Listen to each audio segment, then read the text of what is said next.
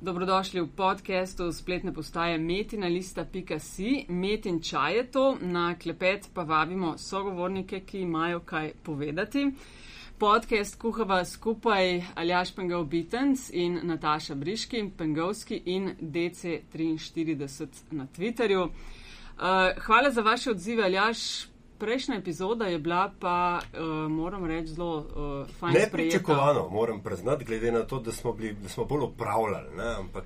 Zakaj nepričakovano? Viš zanimivosti. Mislim, mogoče je bila tista ja, prejšnja. Sej, sej, sej, vedno se učim, ne, ved, vedno znova se učim, ampak uh, osebno mi je bila tista predvoljivna bolj zanimiva kot povoljivna, ampak. Ne, ja, ja, mogoče. Nihče veš... ni rekel, da sem jaz relevanten.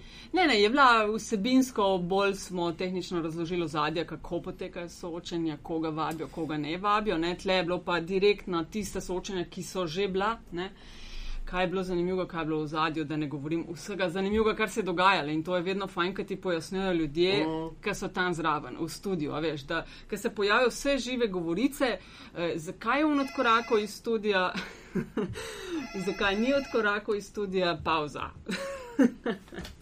Ja, se zgodi tudi v boljših družinah, ne, da kdaj telefon zazvoni. Sponzorji, le investitorji, pravi danes naš gost. uh, zanimiva debata spet se obeta. Uh, Aljaš, uh, predvsej v medijih zadnje dneve, tedne, konflikt. Uh, Izrael, Palestina, Gaza. Tam je to tako zelo, bom rekel, na nek ciničen način zanimiv, ne, ko vsake toliko postane medijsko zanimiv. Ne? In po eni strani vedno znova iste oziroma podobne zgodbe, ne? vsakič na mečken večjo potenco. Uh mhm. -huh. Po drugi strani pa, ajš, vendarle smo ti in jaz že toliko časa, saj, ne, ti najbrž še bolj, jaz pa tudi se spomnim še, veš, iz, iz ne vem, časov gorenjivih televizorjev, ne? kako je pač spet znova Zahodni breg, pa zasedena ozemlja, pa um, takrat je bil PLO, zdaj je Hamas, ampak eno, te isto jovo na novo že no,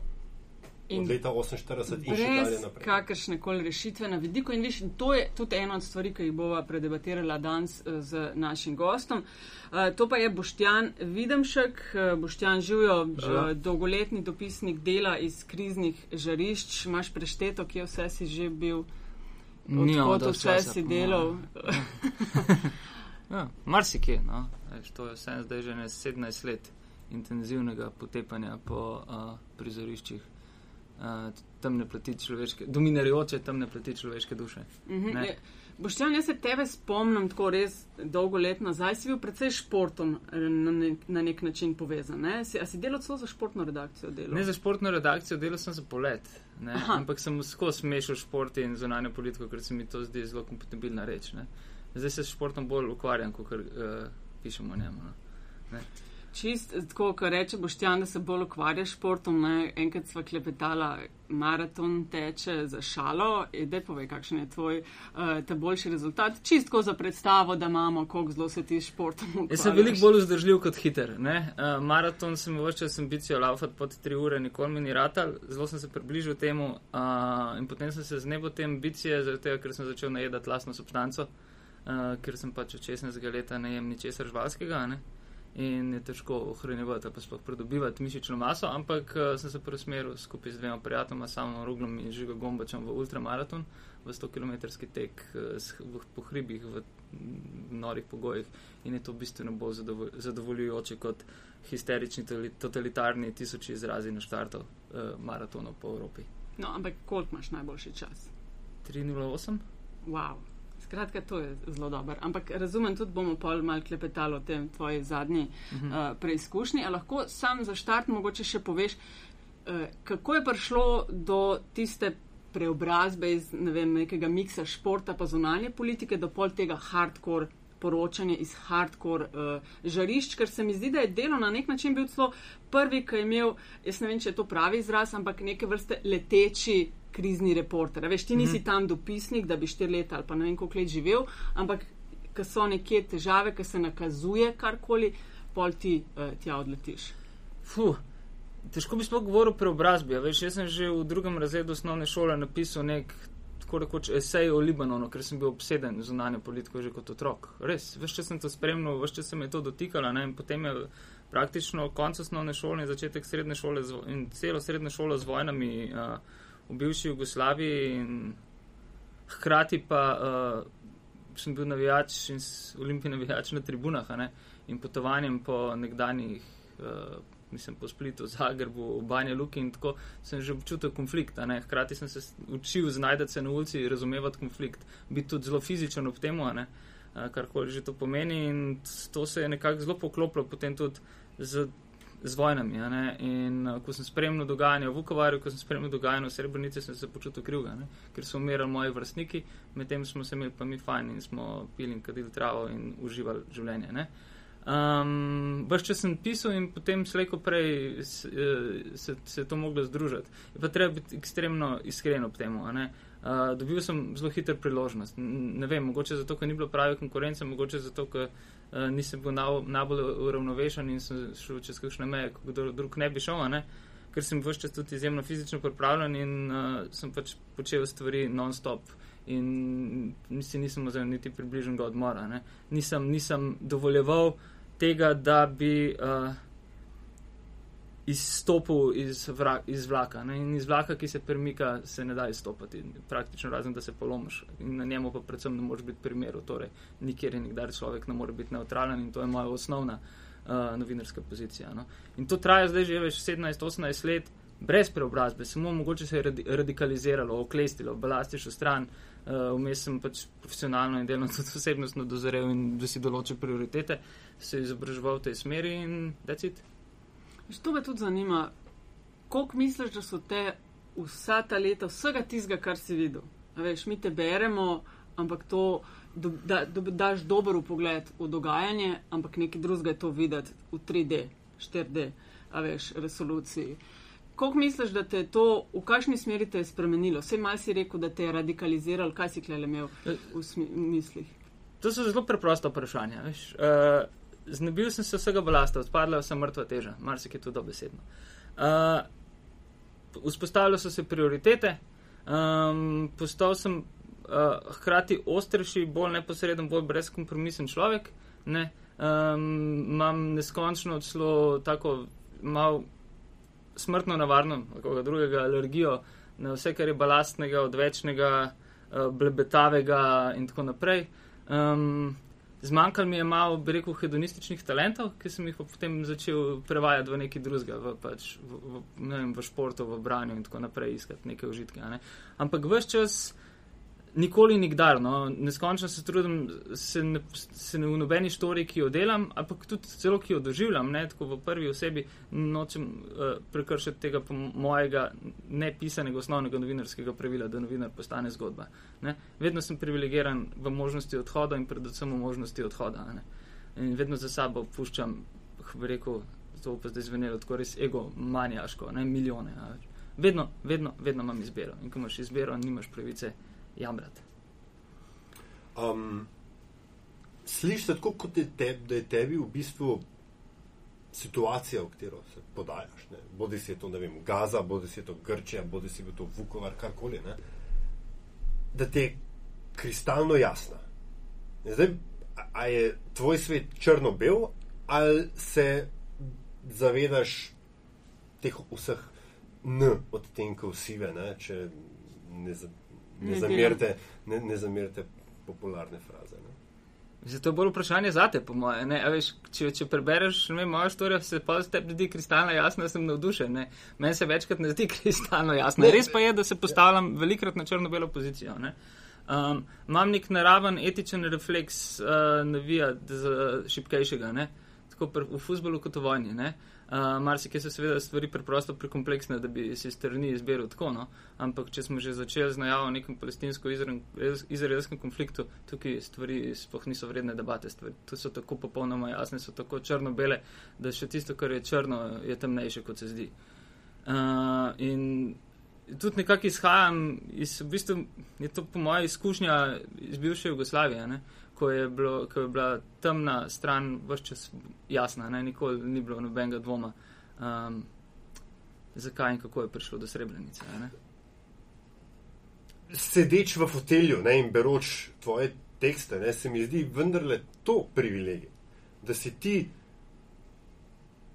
lahko ali pa, ali pa pač, uh, imaš to črno-belo, da veš, kaj je prav in kaj je narobe, da znaš to vem, izbrati in končni fazi utemeljiti. Dobro, to lahko na božji sindrom je. Ne, ne, ne, ne, ne, ne, ne, ne, ne mislim. Radikalni presoji. Ne? Ne, ne mislim to, veš, ampak, um, veš, ma, če spremljaš poročanje, recimo, kot tujih medijev, kot je m, pač tak lep, uh, sloven, taka lepa slovenski, medijski, slovenski eufemizem. Ne, Je zelo tako, veš, te so streljali na te, oni so streljali na, na une, mrtvih je tolk. Na eni strani imamo poročanje o 400-800 tisoč mrtvih v Gazi in dveh mrtvih izraelskih vojakih, oboje morajo v prispevek. Ne, tako imamo objektivno, uravnoteženo novinarstvo, ni novinarstvo. Gnusi se mi, ne? to je industrijski copy-pasting, brez etičnega, brez komunističnega tona. Ne? Objektivnosti ni, ne, ne, more, ne more biti. Veš, konc koncev na eni strani imaš tanko skocev naperjeno v samelo deklico nekje v pesku. Uh, se bo pogovarjal, se kot novinar ne pogovarjam tako s tanko skocevjo kot z deklico v enakem tonu, jo predstavljam kot enakovredna udeleženca konflikta. Uh, to je dominirajoči diskurs korporativnih medijev, večine njih.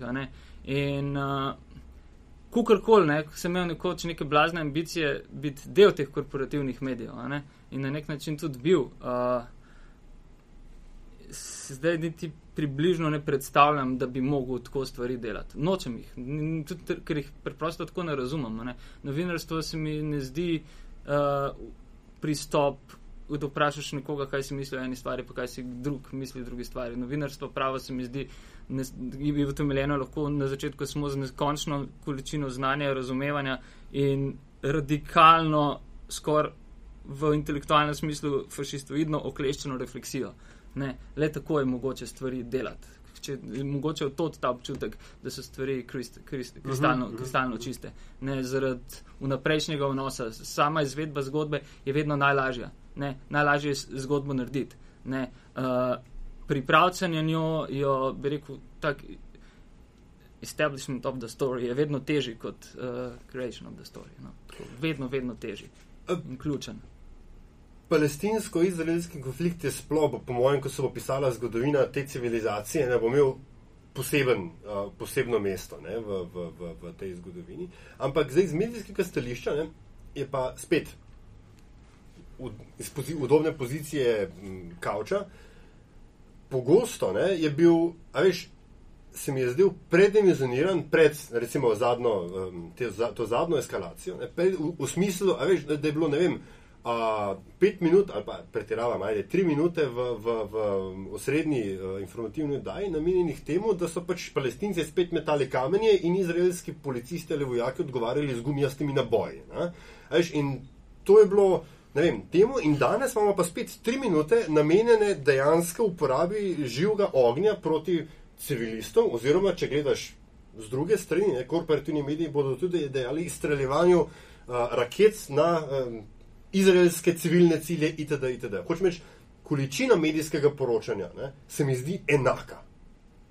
In zdaj, čist časovno, ne, če zelo um, tako rečem. In, a je mogoče to, bom rekel, del problema, so mediji del problema cele zgodbe, ker jim izraelsko-palestinski uh, konflikt pride prav? Puh, le, ne, neuralgičnost konflikta ni nujno, premo so razmerne z body countom. Uh mhm. -huh. Uh, Vse je to konflikt, ki ga spremljamo 70 let in vedno znova piše nova poglavja, hkrati pa s svojo že omenjeno neuralgičnostjo znotraj bazena, ne oceana, sproža uh, koncentrične kroge, ki se vedno odbijajo nazaj v izhodično točko. Zato je to tudi tako medijsko odzivno. Ne bi, uh, kako bi rekel, palestinsko-izraelski konflikt nima nič premalo medijske odzivnosti. Ma pa napačno medijsko odzivnost, ima to 50-50 uh, objektivizirano, lažno, uravnoteženo uh, pozornost. Ne smemo seveda pozabiti ob tem, da v času, ko vsi, ne, tudi sam čutim ob tem neko slabo vest, vse čas govorimo o gazi in trpljenju gaze, to je seveda treba početi. V istem času, uh, v zadnjih osmih dneh je v samo v seriji, v največjem konfliktu modernega časa umrlo 1700 ljudi. Uh, 200 tisoč jih je do zdaj v zadnjih treh letih in 10 milijonov, tretjina prebivalstva dobra je razseljenih. Na ta konflikt smo popolnoma pozabili in to je tudi ena večjih dilem, ki se jih lotujem v svojem delu. Če se sfokusiraš na eno stvar, ne mudoma tako kot v neki legendarni stari 386 igrci SimCity. Veš, ko gasiš požar, ja, imaš ja. nekaj potres in se ti sfuka. Uh, to, uh, ravno, mislim, je pa treba imeti fokus, ne? ker če nimaš fokusa, je vse razpršeno in delaš slabo. Ne? In uh, res pa je, da kamorkoli pridem, več srečujem praktično iste ljudi in uh, se srečujem tudi z istimi težavami. Hrati uh, serije in gaza se ne da pokrivati. Ne? Um, bi rabo dva boštjana, vidim, še da bi to pokrili. Ja, ne, sej imamo Karmen Švegal, uh, lahko bi imeli mm. tudi dve Karmen Švegal imamo še koga drugega, ne, nekoč smo imeli eh, teh področjih Ervina Hladnika, Milharčiča in tako naprej, ne Slovenija. Je se lahko prostor ja. vrhunskih novinarjev, kriznih poročevalcev in nasploh, ne, glede na prostor in, uh, kako rekel, kritično maso in tako neopevano majhnost, uh, proizvajamo neverjetno število dobrih novinarjev. Ne, ne. Mi imamo, to se povsem strinjam, natanko enako odstotek vrhunskih novinarjev kot katerakoli druga država na svetu. Uh, kar pa opažam, recimo, ko smo pri teh poročanju z vojnih območij, to so že nasploh dopisništva. A veš, ker proračuni vseh velikih medijskih hiš se manjšajo in če dalje pogosteje se pri dopisništvih zanaša za ne, na neke ali lokalce ali neke partnerje od nekoga, recimo slovence, ki nekje uh, živijo. Ne? Se pravi, da je če dalje manj denarja za ljudi pošiljati. Ne? In sem prvo razmišljala, veš, na zadnjih, če gledamo 20-25 let ali pa še več, ne? ni jih prav veliko ki imajo te izkušnje spremljanja, veš. Uh, Bolj kontinuiranega spremljanja. Kontinuirane, no? seveda ne. Vse mm. to glih, veš, to ni spremljanje konfliktov, kot je redakcija dvakrat na leto pošle, ker ne vemo, v Egiptu se nekaj ja, zrodi ja. in greš za tri dni mm. tja in se dva dni prej začneš, aha, Egipt je, ne vem, tok prebivalcev, ta je predsednik. Ne? To ni to. Večinoma gre točno za to. Ne? In zelo redki ste pa, ki to spremljate, tako kot se reko, a veš, skoraj dve desetletji že. Ne? In sem štela, koliko jih je bilo v Sloveniji. Prav te, ki si omenil, ti vlasta je seničnik, ne. recimo ima nekaj teh absolutno, izkušenj, absolutno veš, dopisnica, uh, odlična dopisnica. Ne? In denarja ni vidim, ne? E, mislim, denarja ni, ki bi se ga namenjalo spremljanju tega.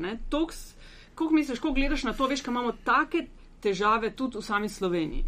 Da redakcija pol da, a veš, vedno moraš tehtati, ni neomejene vreče denarja za poslati jed se take stvari, to mogoče ti povej, no, koliko je to finančno težko. In na prvem mestu, to, na prvem, drugem in tretjem mestu od osmih, to tudi približno ni finančna težava. Aha. To je lažen kurčev alibi.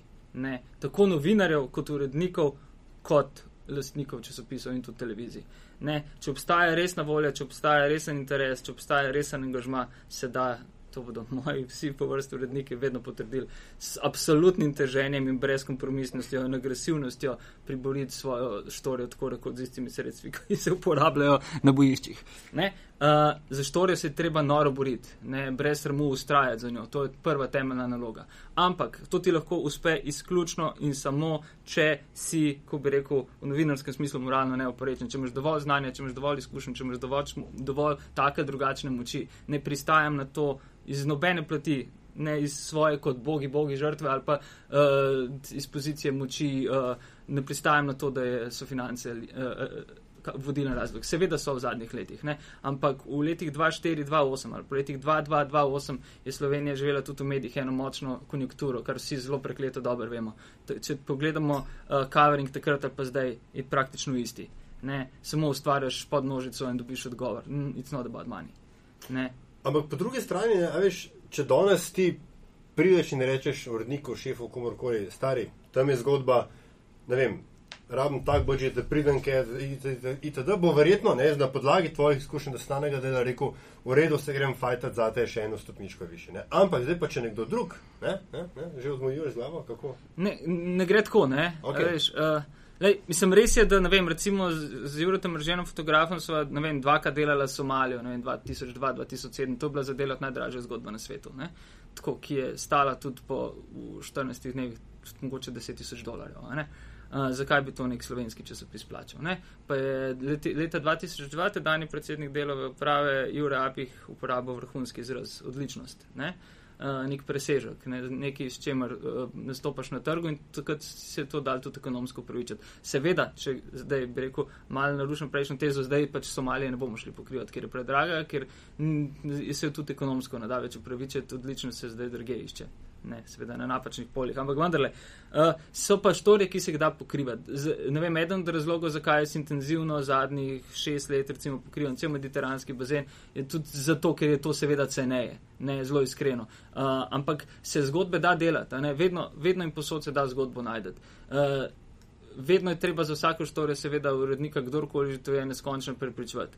Ne, ful je težko. Ne. Eh, ne, mnogokrat sem že skoraj čisto upal, ampak veš, temu, temu ne gre popustiti, to je samo stvar ega, napačnih pričakovanj. Razumem, ampak hočem reči to, ker recimo danes ti prideš. Zgodbo uredniku, bo urednik to požegnal. Če bi pa danes ti pred 17 leti prišel k uredniku v današnji situaciji.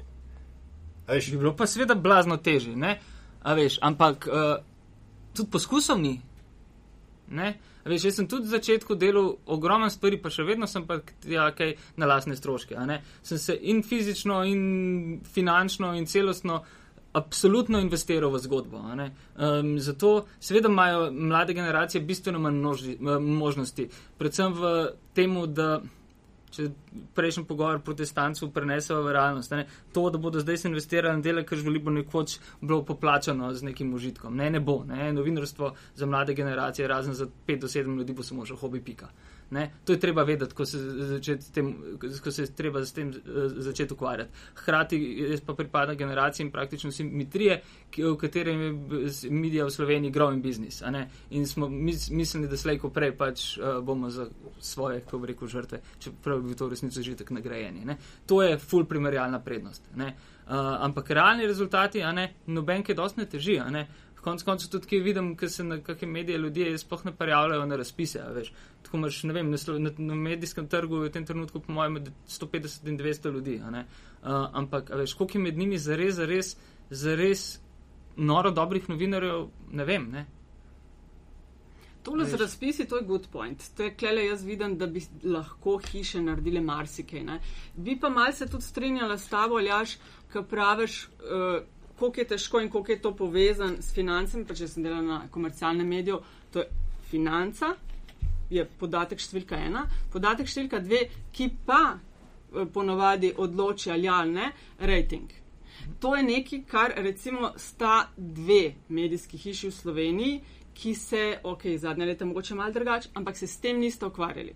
V tolikšni meri kot eh, komercialna ena je Delo in ena je RTV. To sta edini hiši medijski v Sloveniji, ki imata razmeroma urejeno dopisniško mrežo in razumevanje pokrivanja zunanje politike. Drugje gre, so hudi fajti. A je problem pol tudi, a veš, kaj ti praviš, ti se moraš na delu, kjer se to načeloma razume in ima dolgo tradicijo dopisništva in tega pokrivanja, se moraš boriti. A je problem v tistih, ki so ki te odobrijo ali pa ne odobrijo v urednikih. Zakaj se je treba toliko boriti, če, ni, če ne stane toliko zelo velik, gre pa za zelo pomembne konflikte. Se uredniški support praktično vse čas je bil, se, se morajo tudi uredniki boriti s kom drugim. Ne? Predvsem je pri izbiri zgodb treba ful argumentirati vedno znova in znova. Uh, je tudi odvisno od tega, kako je kjer urednik seveda usmerjen v zunanjo politiko. Obstajajo pač drugi fokusi in vedno bolj dejstvo je, da se ta prostor zapira, ne glede na, veš, na vse druge zgodbe, ki se zdi, da se odpiramo na zvoni kakor. Uh, dogaja se totalna homogenizacija prostora, ne? zanimamo sami sebe, ne? postajamo self-nation, samo na političnem, ekonomskem, družbenem nivoju. Ne?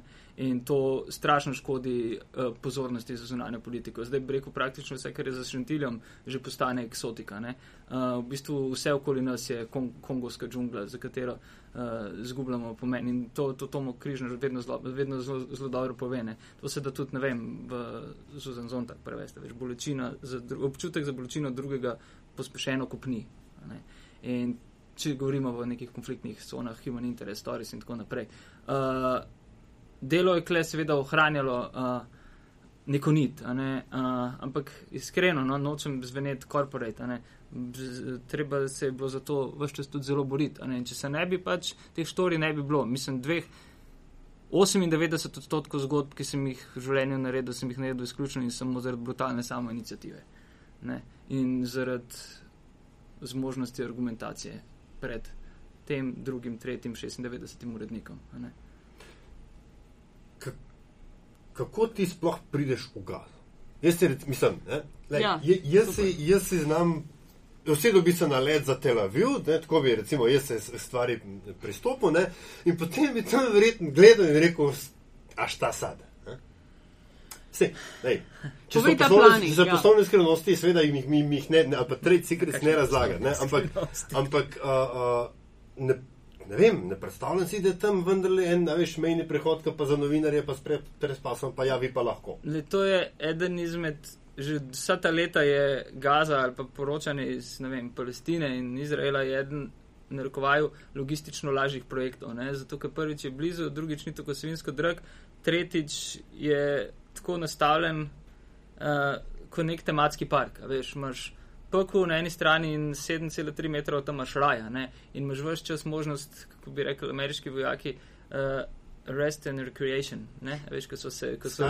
Ja, ko so z, z, z Vietnama leteli uh, ne vem, na Guam za Ja, ja. 14 ur, pa se vrnili na fronto. Ne? To je vse čas možno. Ne? Uh, nisi stok, nisi noter, ne vem, tri tedne pa najeveš in prideš ven mrtev človek. Kadar, prak, no, ne kadarkoli, ampak imaš velikrat možnost iti ven in je privilegiran. Marsikje je ful teže. Ne? Neskončno teže bo to delati, ne vem, v Kongu, v Somaliji, kaj, v Darfurju, kaj je novo out, kaj si sam, kaj si v celoti, veš, kaj si, ne vem, v radiju 500 km ni nikogar, ki ga bi poznal. Uh, Gaza je pa tako zgoščena, da vedno. Sem, tudi če hodiš, ne vem, pa to, kot sem že bil tam, da tudi kjerkoli bi hodil, bi srečo koga, ki ga poznam, oziroma obratno, od novinarjev do ljudi. Uh, zdaj pa čist konkretno je tokrat, je bilo v resnici še toliko bolj lahko, ne, zdaj v teh dneh se sicer stvari komplicirajo, ker se je tudi konflikt zaostril in Izraelci probojajo zapirati mejo, hkrati je z, z egiptovske meje, preko katere smo, sem šel prej zadnje dvakrat noter, se, se zdaj ne da več. In to v bistvu, to res zgleda kot koncentracijsko taborišče. Ne, kol in okol pač uh, je uh, zid s stražnimi stolpi, bodečo mrežo in na izraelski strani je tak gigantski, narekovajih, mejni terminal, poln nekih kanalov, labirintov in najprej moraš dobiti, kar ni na lažji, GPO-PES, to je uradna akreditacija izraelskega ministrstva za informiranje. Uh, to se zgodi dokaj hitro, potem pa pač zdaj ponovadi so komplicirali, ne, 2.8.2.9 so zaprli mejo, ne, smo šli, lahko smo z Egipta not, zdaj pa še zdaj je bilo pa odprto in sem samo po mailu dobil točno, kdaj grem lahko noter. In potem smo trije novinari se v tistem času znašli tam in smo čakali eno uro in šli not. Isto za ven, pet ur prej, on further notice se temu reče, ne, uh, si mogel poslati mail ali pa SMS na določeno številko oziroma določen mail in si lahko šel ven. Sicer to zveni simpel, ne, a veš na drugi strani te pa počaka tudi Hamas in moraš tudi tam imeti vse očiščeno in človeka, ki te tam vozi, ga moraš plačati ampak ko si izkušen, ko je to, to igran sistem, ko veš, da se logistika sam po sebi ne postavlja proti tebi, ampak je nekaj normalnega, nekaj, kar spremeš tako kot vreme, ne, so stvari v resnici preproste. Ne. Da mi povele, ker gotovo se na te obračajo kolegi, ki pa uh, imajo priložnost mogoče redko kam je. Predvidevam, da je ne tega veliko. Veliko je. Kličejo, kaj zdaj, po kjeri poti to, kar je uh, Aljaš sprašval. Ne. Uh, hodila sem vprašati, no, zdaj mi je pa všla rdeča nit. Uh, oh, jej. No, ampak sej, veš, mislim, me- meni je ravno ta, ta del v bistvu fascinanten. Ne? A, streamlining vojne, če tako, veš, da tako rečem. Ne? Ker uh, vojno vedno pač uh, nam predstavljajo kot nek ultimativni konflikt, veš, dobrega proti zlemu, odvisno od tega, kjer je strani, s kjer strani gledaš. Ne? In, in, in uh, um, odvisno, odvisno, kdo ti to zgodbo prodaja, no, da mu tako reči. In tisto, veš, mejo, preko katere ne, na drugi strani je peko, ne, tako uh, besedo, ki se ti uporablja. Hkrati ne, samo, me, me pa vendarle fascinira, da veš, tukaj pač pol obstaja na, na mikroravni en čist relativno, kot če, če je to v bistvu utečen sistem prehajanja iz ene na druge strani, ne, tako rekoč tampon cona, kjer se ena in druga stran tolerirata, čeprav se gledata. Ne? Ne, ne, ne, ne, ne, ne se ne tolerirata. Ne. 45 minut prej sem jaz not prišel, je bil so-called Hamas boarding post zbrisan zemlje. Ne. Veš, in je pol, pol, tam popoln kaos. Pač, ko si čez ta izraelski koridor, ti bom pol pokazal na slikco, ne, uh, prideš v brisan prostor. Ne? In je potem od tvoje osebne iznajdljivosti in kontaktov, po, odvisno kje, kako in kam. Ne? Še posebej zdaj. zdaj pa, lej, en teden nazaj, ne, ko sem prišel ven, je bilo lažje, kot je zdaj zadelati. Ne? Zdaj pa vse, um, pa pa kam, sram predno se šel, sem videl od Gunara Viloma, uh, snemalca in vrhunskega novinarja in partnerja uh, Carmen Švegel Post, da pač njihov hotel bil mal bombardiran po noči in da vlada čisti šit. Ne? Uh, tako da stvari se, zelo, zelo, zelo zaostrujejo, tudi za novinarje. No. Bilo je nekaj časa easy, relativno easy delati v primerjavi s kakimi drugimi konflikti, ampak zdaj ni, za te zadnje dni je šlo pa res, res delač. No, in so tudi novinari postajajo tarče. Konc koncev so, se je s tankomsko granato namenoma zadelo. Uh, pisarno Al Jazeera v Gazi, no, ampak kje se pisarna Al Jazeera v zadnjih Ja, letih ni zadelo? bile, ja. Ja, Mm. ne, No, to Kabul smo Bagdadu, ko mi je ušla tista misel, ki si govoril zdaj to glih o iznajdljivosti. Ne?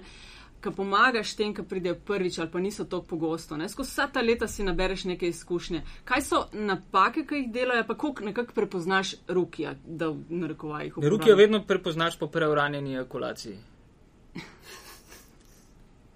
In to skoraj da Amerikan pa je večkratni preuranjeni ejakulaciji. Please ne. elucidate with references to Ja.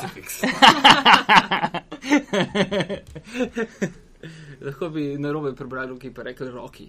Ne? A, ja, ne, tako, lej, zelo preprosto je, to, je, to vidiš v pogledu. to Vidiš, a veš, pa predvsem, ruki imajo vedno več te opazne strasti, ne? res. Zato tako v full kratkem času probojajo narediti čim več. Ne?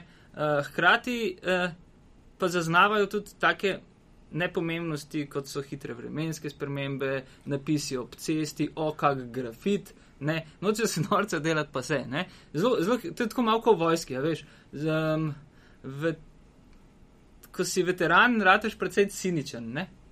Uh, in opaza, opažaš vse svoje stare napake na deseto potenco, ne? v resnici iste, kot so bile tvoje. Ne? Sam jih vidiš toliko bolj in zaradi načetega ega starega prca uh, rateš tečna stara pizda. Ne, references. Ja. ne? Uh, ampak uh, je pa tako res, jaz neskončno uživam delati z mlajšimi od sebe. Tako lahko rečem, da v ist, mentoriram vsaj osem ful nadarjenih novinarjev. Nekateri so se vmes že ful realizirali, sem bil tenzivno povezan z njimi in pomagal, ker se mi zdi to smisel. Ne? Uh, pač znanje ali pa vedenje, če ga poseduješ, je popolnoma brez vredno, če se ne deli. Ne? To je tako, kot pač, da imaš, uh, ne vem, stara mama z Deutsche Mark v Pavštru, skupaj z njo v grobu. To pač ne valja. Ne? To je treba je deliti in tukaj tudi vidim nekako svojo perspektivo, po mojem. In to se mi zdi krasno, ker dobijo od nekoga, ki, a veš, si je nabral take izkušnje, o katerih, no, kaj ti je bilo, recimo, ko se pripravljaš, na, ko greš na take terene, pa pre, kadar si prvič, recimo, v kakšni državi, a veš, ko se gotov uh, pripraviš, prebereš kakšno knjigo, dve, tri, deset, ne. 30. Kaj je tisto, kar te pol na terenu, kaj je vedno drugače? A veš, to je tako, kot novinarstvo, veš, na faksu dobiš nekaj, pol se začneš pa z njim od- eh, ukvarjati, je pa to je čist drugače Mm. v praksi, ne? Lej, vse- izključno vse je v medčloveških stikih. Ne? Samo to, ne? to pač pogovarjati, poslušati in razumeti ljudi, in hkrati razumeti od sebe, uh, ni mogoče nekje druge, kot pa čist v res ekstremnih situacijah. Mm. Tako tam, ko so ljudje najbolj eh, srečni, pa najbolj žalostni, najbolj euforični, najbolj razsuti, najbolj v fizičnem razsutnem stanju ali pa v najboljši telesni formi. To so v teh ekstremih, uh, pride ven resnica o človeku. Ne? V človeštvu je popolnoma jasna že prej, v posamičnih ljudeh. Ne? Vedno v vsaki zgodbi pač skoraj najdem nekega človeka, ki izstopa, ki je kljub samo sranju, vsem peklom, krogov pekel, ki jih je doživel, ohranil dušo no? in šel preko tega neranjen, ali pa tako ne, ali pa ne dovolj ranjen, da bi ga z, celostno zaobjelo sovraštvo, ne?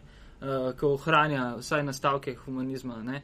In uh, jaz v bistvu to iščem. Ne? To pa lahko najdeš v vsaki zgodbi. To pa lahko najdeš izključno in samo z noro količino izkušenj in komunikacije. No? Ne? Uh, in to me vedno znova preseneti. To, da pač um, lahko nekdo v, ž, ko živi celo življenje v kupu dreka, ne smrdi.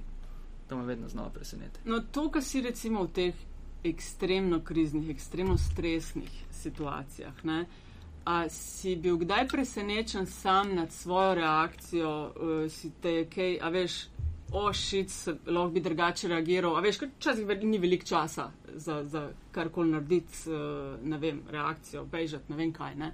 A, uh, Veš, kaj vedno rečejo, da v ekstremnih spoz situacijah spoznaš človeka. Ne? Zdaj ti tudi si kot ekstremni uh, ali pa tekač na dolge, dolge proge. Ne? Tudi tam, a veš, skozi te športe se spoznavaš samega sebe. Ne. Uh, a je bila kakšna situacija v vsej tej karieri, ki uh, nisi verjel, da si bil sposoben česa narediti? A je bila kakšna tako zelo uh, nevarna, tudi uh, življenjsko, mislim, vse so na nek način. Ne? O tem ni najlažje govoriti, zato ker to je, to je spet tuna faza, ko novinar postane zgodba ne, in to je meni tako res malo težko. Ne. Ampak tisto, kar me res, kar me vedno znova preseneča, da ne vem, v najhujšem hrupu in kaosu čutim kar precej miru in tišine. No. Ne. Tako, uh, ta, možnost, da nekako mi je udobno v neudobju. No. Ne, to je tudi sicer definicija, kako končati ultramaraton. Ne, morate, morate biti udobno v neudobnem ne, in moraš to stay in the moment. To je ključno navodilo. Zelo podobno je v resnici. Um, to so se veliko pogovarjali s pokojnim Pavlom Kozekom, ki je bil moj plezalni mentor. Ne. In uh, so se pogovarjali o istih rečeh. Mislim, zakaj vraga rineš v vojno, zakaj vraga rineš v minus 30 brutalno steno sred zime. Pismo, zato, ker bližje, se, bližje, si, bližje si roba, bližje si sebi. Ne? In to se fizično čuti. To In hkrati, ne vem, duša brbota na tak nežen, poltantričen način. No, ne. Uh, ampak to je seveda, z, z, je potrebno ogromno časa, da se to zreflektira. Ne. Ko sem bil mlajši, sem bil tako Spomnim se enega trenutka, ko sem skupaj z enim špancem, so šle, ker so bile vse meje zaprte in se zelo mudili, smo šla peš iz Turčije v Irak čez hribe ne, in to pod turško artilerijo in ti bo še kar zelo skeri. Ne. In meni se takrat zdela, veš, to, to pa je dosežek. Tako sem se sam sebi sem sedel, skoraj da, skoraj sem si čestito. Ne. Uh, ampak me je bilo ful strah, seveda, vmes. Ne. Je bil pa adrenalin tako močen, ne, pa bil sem tako mlad in tako prfuknen in tako neveden, ne, da v bistvu sem sam sebi bil dosežek. Ne. In za nazaj se mi zdi to eden največjih etičnih grehov, ki sem si jih prvošil v karieri. Ne. Hkrati uh, sem pa tako prav slavil, da bi, ne vem, rekel, gledal športno prireditev, ko mi je na satelitskem telefonu uh, se tako izpisal uh, Irak Kavrič, a veš, ki mi je rata na iraško stran. Prej sem si rekel, fuk. Ne, zdaj si ti prišel v vojno in slaviš, da si prišel v vojno. Tako, to pa je dosežek. Ne prišel si v prostor smrti in si navdušen. Ne. So neki trenutki, katerih se človek preprosto sramuje. A vedno veš, da boš nazaj prišel? Si valjda, da ne. Kdaj si najbolj mislil, da ne boš? Po mojem, v Darfurju. Ne, uh, pa enkrat tudi v, v Afganistanu. No. Uh, ampak ne preden sem šel, ampak vmes. Uh, zato, ker pač so bile take situacije, da sem si mislil, da preprosto tega večera ne bom dočakal. No. Ne. Uh, bilo pa sicer tudi več takih situacij, a veš, pa niti ne tako vojni, ne. Uh, so bile take zelo blizu neskončno udobne smrti. ne. S punco so bile pač v Indijskem oceanu med cunamijama. ne. Uh, in je devet okoliških otokov odnesel, ne. Uh, nas so pač evakuirali. Um, in ti si bil meni noro lepo gledati, ne. Ja, ne, eh, samo, samo.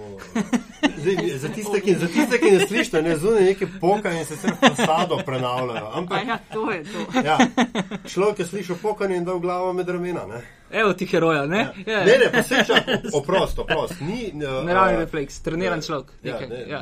Tukaj moram citirati Star Trek. Ni vprašanje, ali si pripravljen umreti za idejo, ampak si pripravljen za njo živeti. Absolutno, to je v bistvu, ako se nehamo pogovarjati s tem stavkom. Ne, in veš, takrat, ker, ker ne veš, da je to nevarno, ne, je lahko tudi tisto, kar je neskončno smrtno nevarno, tudi neverjetno lepo. Videl sem stala, no, jaz sem zjutraj tako šel, upam, se pol šestih zjutraj sem delal kroge tekaške kolunga otoka, gledal sem, kako se parijo morski psi, ne, med katerimi so prej tudi plavala, ker so vegiji, ne, ampak je vse en skeri, ampak je noro lepo, neko so se drstili tam na, na enem vrtu. In pa so šli tako po, potem, ko so šli pred zajtrkom, in kar naenkrat je zmanjkalo vode. Veš. Ni je bilo. Ne? In smo gledali, kaj je to prav. Čudeš se, osnovni filozofski čud. Kaj je to, otroško se čudeš čist neki os, nekemu osnovnemu pojavu. Ne? Pa pa da voda prišla nazaj. Ne? Pa se pa nismo več tako čudili. Ampak sem pa prežgal BBC, ko je televizija še delala in sem videl tako uh, Southeast Asia hit by tsunami. In pa sem tako, se zvišuje število žrtev. Pa naslednje jutro so nas pa prišli s hidroplanom iskati, ker smo no, tako. Pa se pa, pač v istem trenutku sem se odločil, da to štorijo hočem delati. Uh, ker sem se nekako organsko, tudi prvič v življenju, no, po mojem, sicer po Balkanu počutil zelo povezano. To je ful pomembno. Mislim, drugače delajo zgodbe, če so nek konstitutiven del tebe. Ne? In so z Juretom, dubu sem veto, da grem direkt na Šrilanko od Maje, partnerice in sva pač letela v Ljubljane, sem se že zmenil, da ne mudamo letim, potem v Bandače, tam je pa umrlo 200 tisoč ljudi. In to je bila nes, milijonkrat večja izkušnja od vseh vojn skupaj. Ne? Ko, veš, ko umirajo izključno in samo nedolžni ne?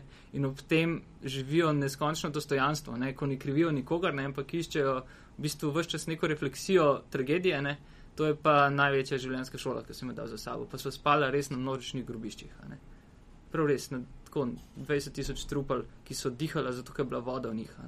In so bile dane v vrečo in veš, ko presežeš nivo gnusa, ne, pa si priznaš, da je to res grozljivo in da se ti trupla gnusijo. Valjda, da se ti trupla gnusijo, drugače lažeš. Uh, in ko se nehaš te stvari lagati, je ful lažje. Pa v bistvu začneš vstopati neko novo polje zaznave, po mojem, no? tako profesionalno kot osebnost. Meni se je to gotovo tam zgodilo. No? Totalen mir sem čutil med tistimi trupli. Dva refleksa obstajata, fight or flight. Se pravi, ali...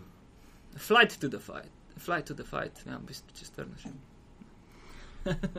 Napisal si Boštjan, uh, pa počasi zaključujemo uh, pred dnevi, tedni en zapis, kakšno državo si želiš, pa kakšne medije si želiš. Ne? In ko smo glih zdaj govorili toliko o teh konfliktih, uh, se mi zdi, da je še več vsega danes kot kdajkoli prej, da ko se poroča o konfliktih, da se veš na naslovnice daje tiste trupla, zveriženost, požganost otroki. Kako ti na to gledaš? A veš, pa pride retvitanje na Facebooku, klikanje in podobno, kar pomagamo, da se nekaj reši, da se izraelsko-palestinski konflikt reši, da se da več denarja za žrtve poplav tam in tam. Ne. Na eni ravni je to gigantska onanija, uh, ki vodi v lahko strašne manipulacije. Ne. Jaz sem tako že čist iz lastnega poznavanja, pa iz nekega vizualnega spomina, ne, teh, to so temu rečem vizualni citati. No. Uh, sam najdu in na Facebooku, in na Twitterju vsaj 50, to sem zdaj si malo zmislil, ne vem, nekaj deset slik, ki sploh niso bile recimo posnete v Gazi v zadnjih tednih, ampak so iz Sirije ali pa Iraka. Mm. In veš, se šerajo brez razmisleka. Uh, to je neko ceneno pranje vesti. Veš, to je, uh, kot večkrat rečeno, to se tako več čas ponavljam in je tudi vezano nekako na ultramaraton. Uh, iz zone obdobja se ničesar ne more spremeniti, lahko se problem samo zaostruje, ne? zato ker se ga fizično ne dotikaš, ker je to tako brutalna statika, da v bistvu onemogoča tudi zuna, zmanjšuje možnost zunanje dinamike. No? To se da, po mojem, tudi fizično dokazati. Uh, in je treba biti ekstremno pazljiv. Nimam pa skoraj nikakršnih pomislekov pri tem, da se kakšno sliko, brutalno sliko objavi, če ta v celoti ali pa kolikor se le da uh, predstavlja, naslavlja zgodbo, ki se v tem trenutku dogaja. Da bi olepševal uh, sliko, je tako, kot da bi olepševal tekst. Jaz sliko in besedo razumem v enakem smislu. Uh, zato sovražam Photoshop točno tako, kot sovražam uh, prečiščevanje dialogov.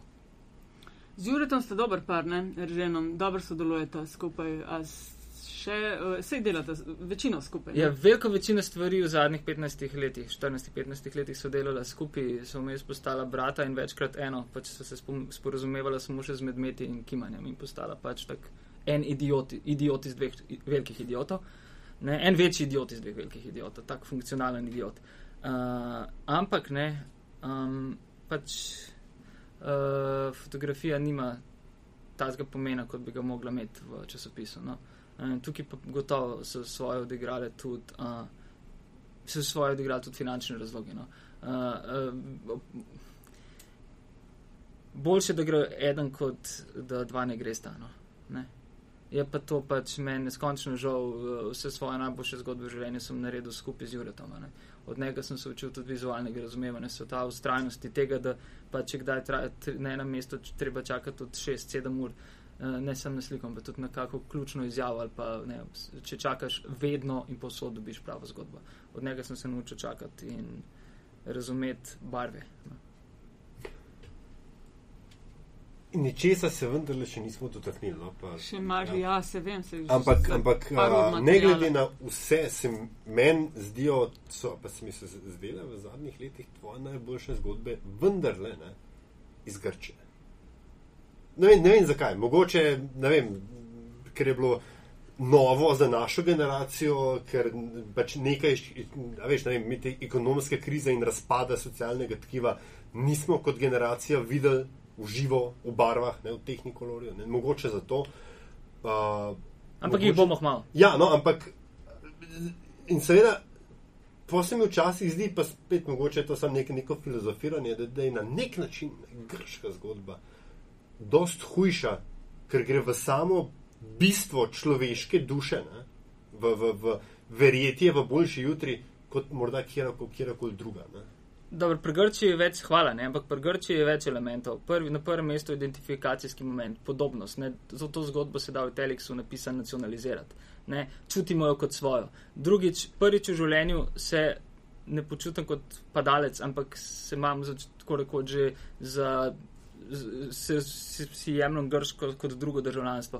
V zadnjih šestih letih sem se poprečil po petkrat po več tednov vračal v Grčijo in jo namensko delam kot projekt. To bo tudi ena izmed mojih potem naslednjih knjig. A Greek Decay, nam je Greek Decay. Decay uh, je Grčijo razumem kot nek študijski primer tega, kar se dogaja nam vsem skupaj. In se tudi lotevam tako. V nobene štorije, nobenega sogovornika si tam v zadnjih šestih letih nisem zbral po naključju.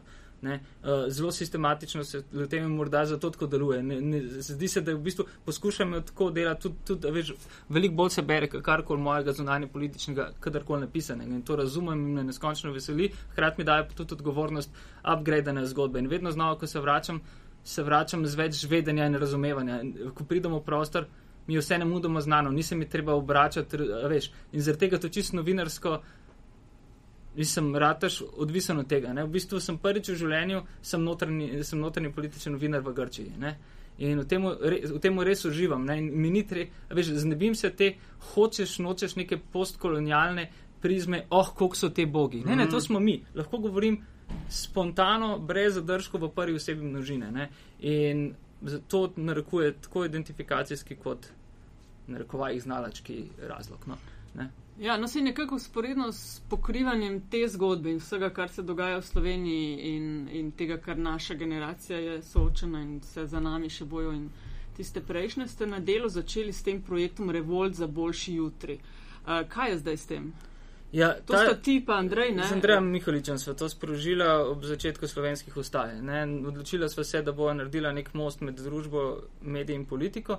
Zelo hitro se je realiziral, preko njega se je rodila, bila sva huda nacija v tem, ker sva uh, fizično onemogočala ljudem, ki so bili ali lobisti blizu posla ali blizu politiki, da bi na kakršen koli način vstopili uh, in komunicirali v tem prostoru. Hotela sva izključno in samo nove mlade ljudi, iz katerih roko na srce se jih je kar nekaj tudi politično uh, začelo uh, udejanjati in celo uspešno v zadnjih mesecih. Profilirali so se novi mnenjski voditelji in to je na, to, to je bil ključna naloga, ki smo si jo zadala. Uh, ampak roko na srce, uh, odmevnost tega je bila prvo sorazmerna z ustani, z količino ustajniškega duha in ko je um, šef marketinga ustajniškega gibanja, nekdani premijer in današnji zapornik, padel, je začelo padati tudi zanimanje in revolt, podobno kot ustajništvo, počasi zamrl, potem pa.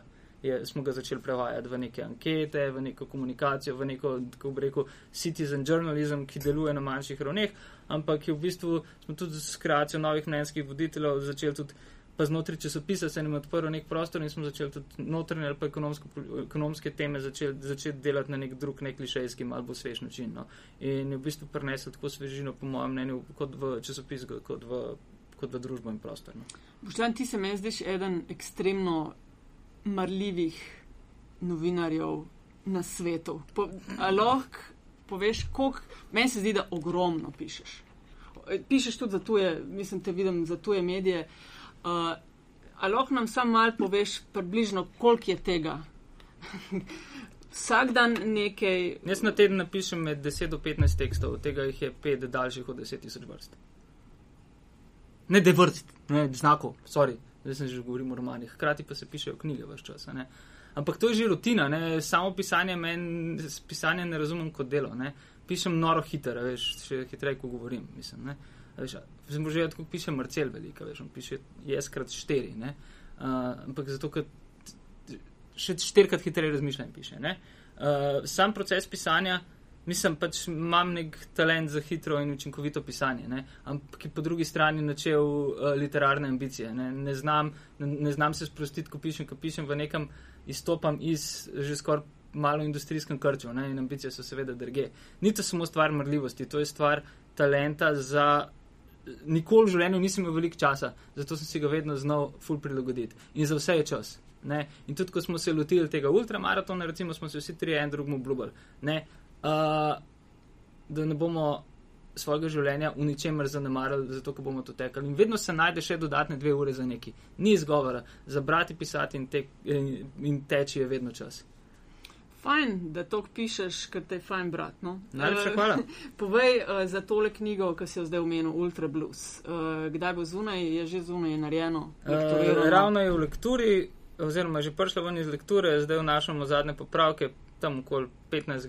18. augusta bo stiskana, 1. septembra bo v knjigarnah, je pa že zdaj dostopna v prednaročilu na knjigarni umko.si. Uh, umko ali no, reklame? UMCO. Aha, pardon.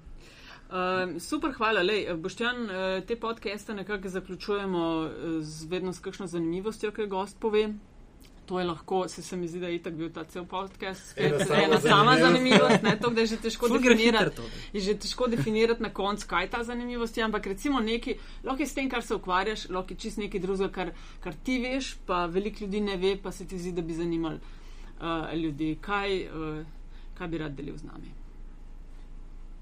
Vem, da je gotovo bilo težko, uh, težko zbrati. Mislim, gotovo to, da biti novinar ni bila moja prva življenjska izbira. Uh, in je to, da lej, uh, mnogi falirani fuzbaleri pač postanejo nogometni sodniki. Ne. Ti si faliran fuzbaler? Ja, na nek način. Ne. Moja ambicija je vedno bila biti fuzbaler. Sveda je bilo vršče jasno, da mi to ne bo rad ali ne, prepočasen, karkoli že ne nadarjen, ne. ampak veš, vedno bi si to želel in kadarkoli menjam vse novinarske dosežke za en vsaj dve sezoni v nekem respektabilnem klubu druge turške lige. No. Hey, Boštjan, super, hvala. Hvala, hvala ti za te tvoje insights, za zelo odkrit pogled na, na novinarstvo, na poročanje uh, iz kriznih območij. Ja, še ti bi kaj. Ne, da. sam, lej, ful hvala, hvala, ker se ti ljubno. Pa, ja. Ipak malo pazi na se. No. Ja, res, ja, kam še boš zdaj, zdaj se izgaze, kam še boš zdaj. Zdaj grem delati uh, po poplavni štoriji v Srbiji, no, ampak v nekem drugem kontekstu. Uh mhm. -huh. Ok, hvala ti.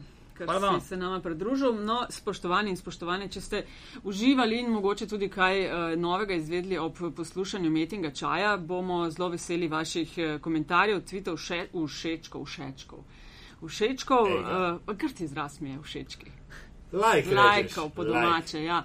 No, komentarji in predlogi, kako bi lahko bili še boljši, pa dobrodošli na infoafnametina.si.